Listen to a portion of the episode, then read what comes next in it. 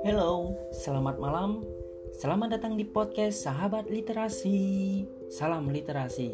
Denganku Miftah Lakhiar yang akan menemani kalian beberapa menit kemudian. Nah, di sini kita akan lanjut pembahasan sebelumnya yang membahas tentang aturan 3 rules 3 dari 12 rules 12 rules for life by Jordan Peterson. Nah, di sini apa nih aturan ketiga? So, di sini dikatakan bahwa aturan tiganya adalah bertemanlah dengan orang-orang yang mengharapkan yang terbaik untukmu. Jadi uh, di aturan satu kita diarahkan untuk memperbaiki postur tubuh, ya, memperbaiki diri sendiri secara fisik. Lalu yang kedua kita tahu bagaimana bersikap kepada diri sendiri. So, yang ketiga, dengan semua itu, ya kita harus melihat keluar gitu. Dengan apa? Ya berteman. Apa yang diarahkan?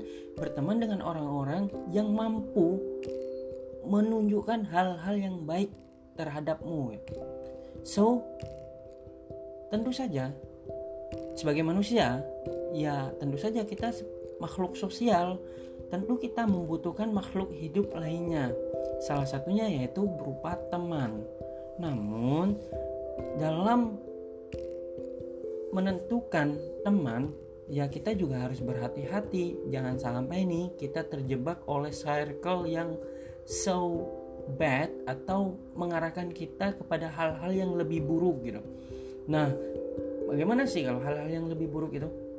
Jadi gini ya uh, aku kira kita setuju bahwa tindakan terorisme tindakan eh, hal-hal uh, yang berbau narkoba itu adalah hal-hal yang buruk.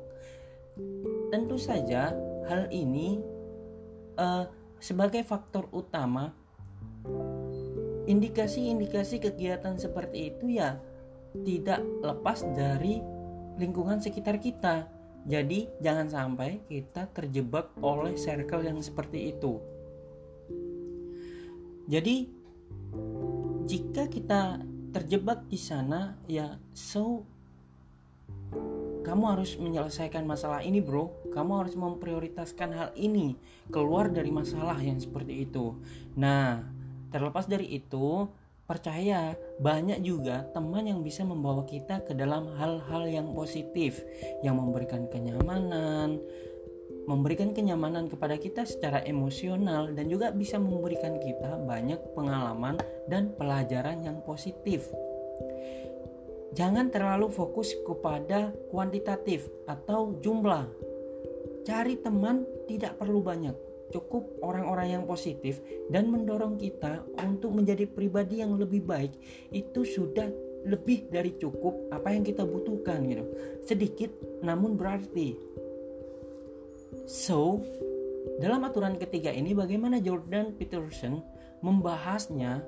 Nah tentu saja kita akan mendapati hal-hal yang tentu saja ya karena Jordan Peterson ini seorang yang uh, aku anggap sebagai orang yang religius ya karena di dalam bukunya ini banyak mengaitkan hal-hal yang berbau uh, agama gitu. jadi banyak mengaitkan cerita-cerita mitos terdahulu lalu dikaitkan dengan uh, cerita dalam dalam buku ini gitu so apa yang dikatakan oleh Peterson dalam aturan ketiga ini? Jika kita dikelilingi orang yang dengan orang-orang yang mendukung tujuan kita, jadi mereka tidak akan melakukan hal-hal yang berbau sinisme dan melakukan hal yang destruktif kepada kita.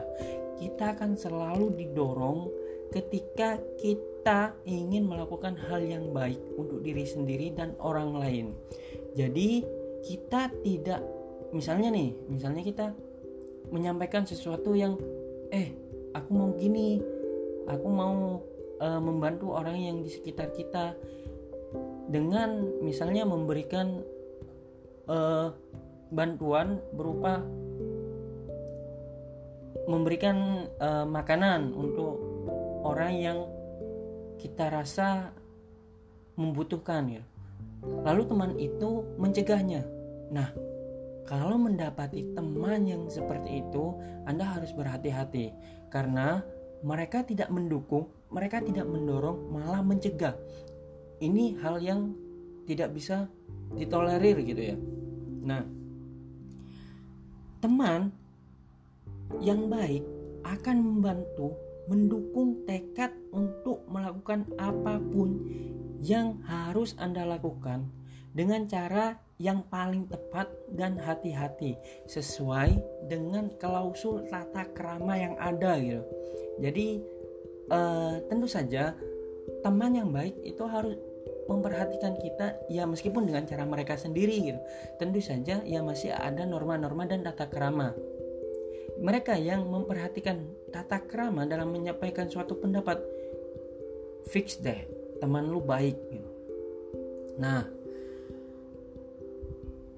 orang yang misalnya lu kamu ingin melakukan kebaikan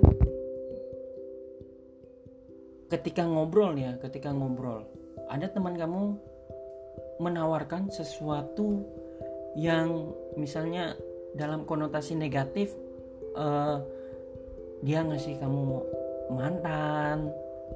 Ya mantan yang hal-hal yang so bad gitu ya. Terus dia ngasih kamu dia nyuruh ngerokok atau uh, minum alkohol. Terus mereka uh, temen yang tidak suka ketika kita melakukan hal yang berhasil atau melakukan sesuatu yang murni dan mereka iri atau cemburu gitu ya lalu dengan sikap mereka menarik kehadiran atau tidak mendukung atau bahkan lebih buruk aktif menghukum kita dengan tindakan kita gitu. Jadi tiba-tiba di justice nih, wah lu salah nih, lu jangan ngelakuin hal yang seperti ini. Fix itu teman yang tidak mendukung sama sekali. Karena tentu saja teman yang baik mereka akan mengesampingkan pencapaian Anda dengan tindakan hal-hal yang bersifat imajiner gitu ya. Mungkin gini. Mereka melakukan masuk mereka memberikan masukan yang seperti itu berdasarkan pengalaman mereka yang mungkin mereka pandang ini adalah hal yang negatif. Tapi dalam sudut pandang kamu dengan kamu berhenti melakukan sesuatu itu kamu menilai bahwa ini negatif gitu ya ini tidak akan memberikan suatu kemajuan untuk hidup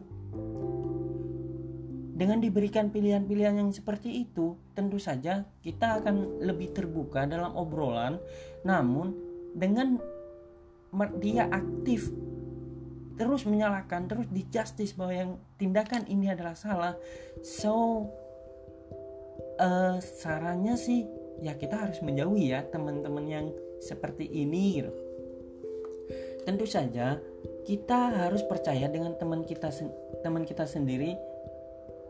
So next kita harus mendukung mereka, membantu mereka dalam kapasitas dan koridor kita sendiri gitu ya.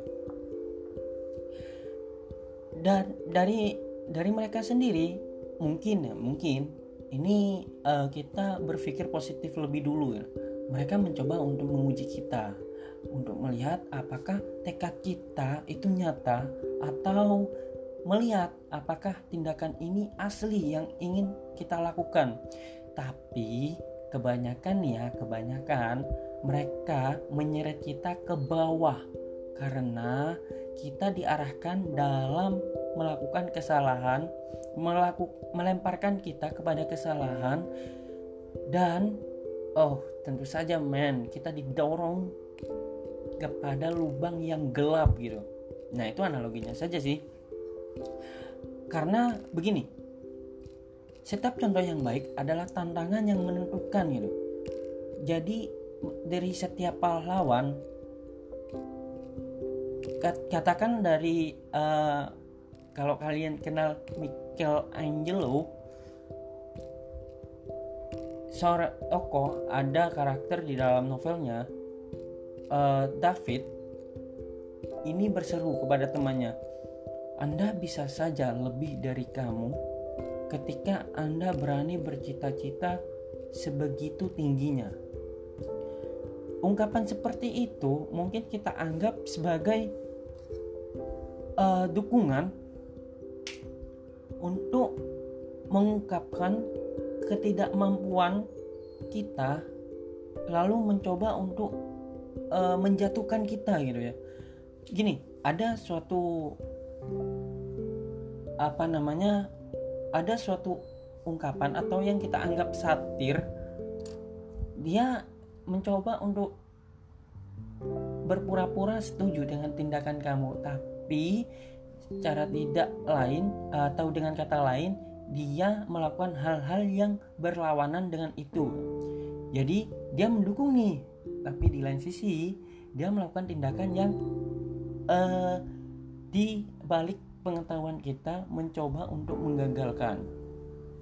Nah, dengan sifat yang seperti itu itu menunjukkan bahwa kedalaman jiwa mereka itu sinis dan mobilitas kegiatan yang mungkin oke okay lah dengan melakukan penjagalan seperti itu ya tentu saja tidak dapat dibenarkan seperti gini ya ibarat ibaratnya itu dia bermain gunting dengan kain yang kita pakai.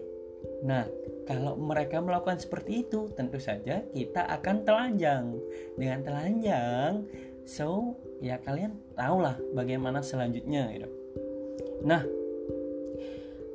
jadi jangan berpikir bahwa lebih mudah mengelilingi diri dengan orang-orang yang sehat. Jadi gini ya, orang yang baik dan sehat adalah ideal. Itu membutuhkan kekuatan dan berani berdiri di dekat orang yang seperti itu.